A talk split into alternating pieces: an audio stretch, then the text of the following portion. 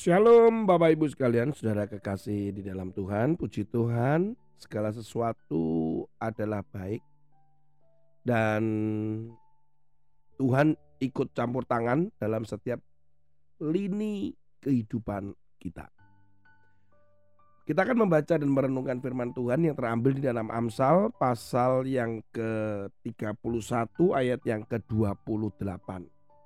Anak-anaknya bangun dan menyebutnya berbahagia, pula suaminya memuji dia. Kata-kata bangun ini adalah diperuntukkan untuk anak ya. Jadi ketika anak-anaknya bangun, kata bangun itu sendiri adalah menunjukkan ketika dia sadar ya dari tidurnya dia ingin menunjukkan rasa hormat dengan memuji ibunya. Jadi bangunnya itu bukan males-malesan. Jadi bangunnya itu karena memang ingin menyampaikan sesuatu dan menyampaikannya itu dengan rasa hormat. Itu kalau dilihat dari asal kata daripada bangun. Kenapa kok memuji ibunya? Karena ibunya berbahagia. Dia menyebutnya e, mama kamu orang yang berbahagia.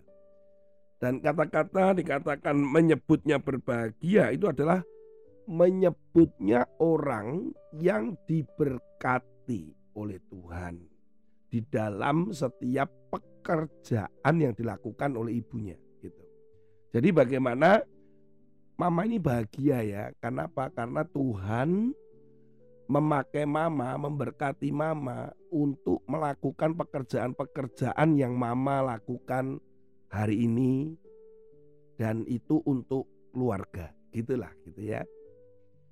Kemudian pada kalimat berikutnya pula suaminya memuji dia. Nah kata memujinya itu ternyata ini nggak main-main ya saudara.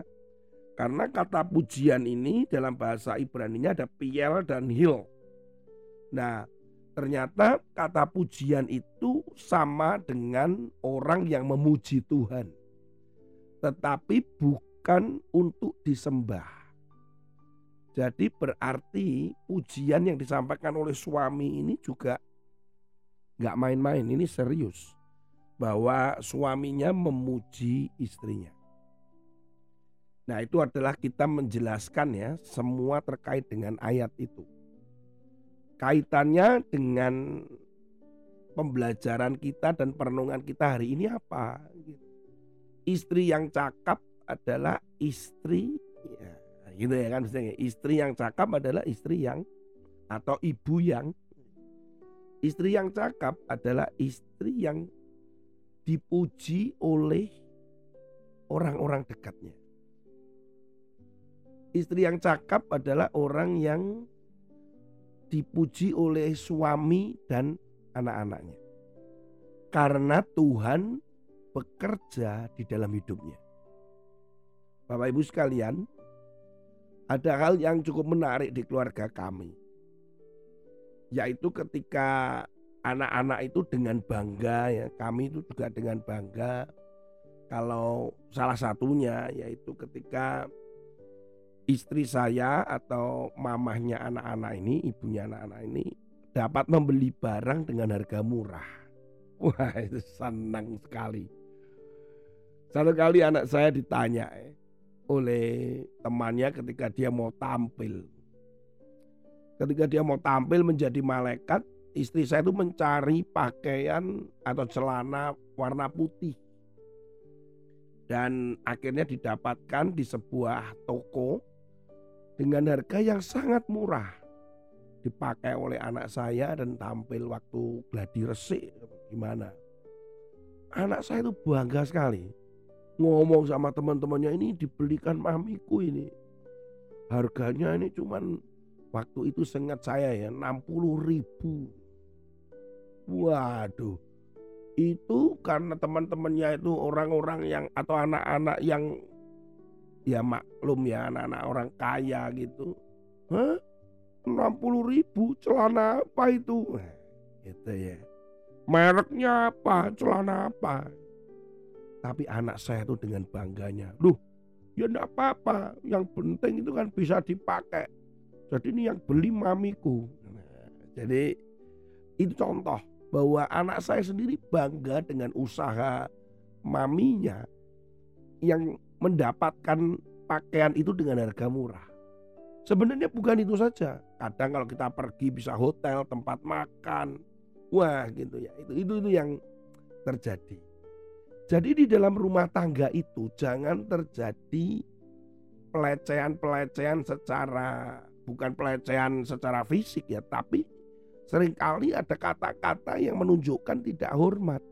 Contoh suami menyebutkan istrinya, kamu gendut, nah kayak gitu. Atau itu bukan pujian, itu hinaan itu. Atau kemudian, wah kamu nih anu ya, eh, cek goblok ya. Nah gitu, aduh atau ketika suami ngomong dengan anak-anak misalkan. Itu mamimu itu, mamamu. Itu yang goblok itu. Nah, lihat tuh. Bukan pujian tapi malah makian. Ini nggak boleh. Demikian pula anak-anak. Gitu. Aku ini oh, mami ini begini begini.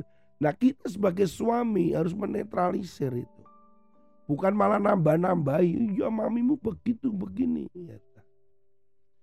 Bapak Ibu sekalian, pujian itu jangan berharap dari orang-orang yang jauh di luar sana. Akan terlihat itu dengan orang-orang yang di dekat kita.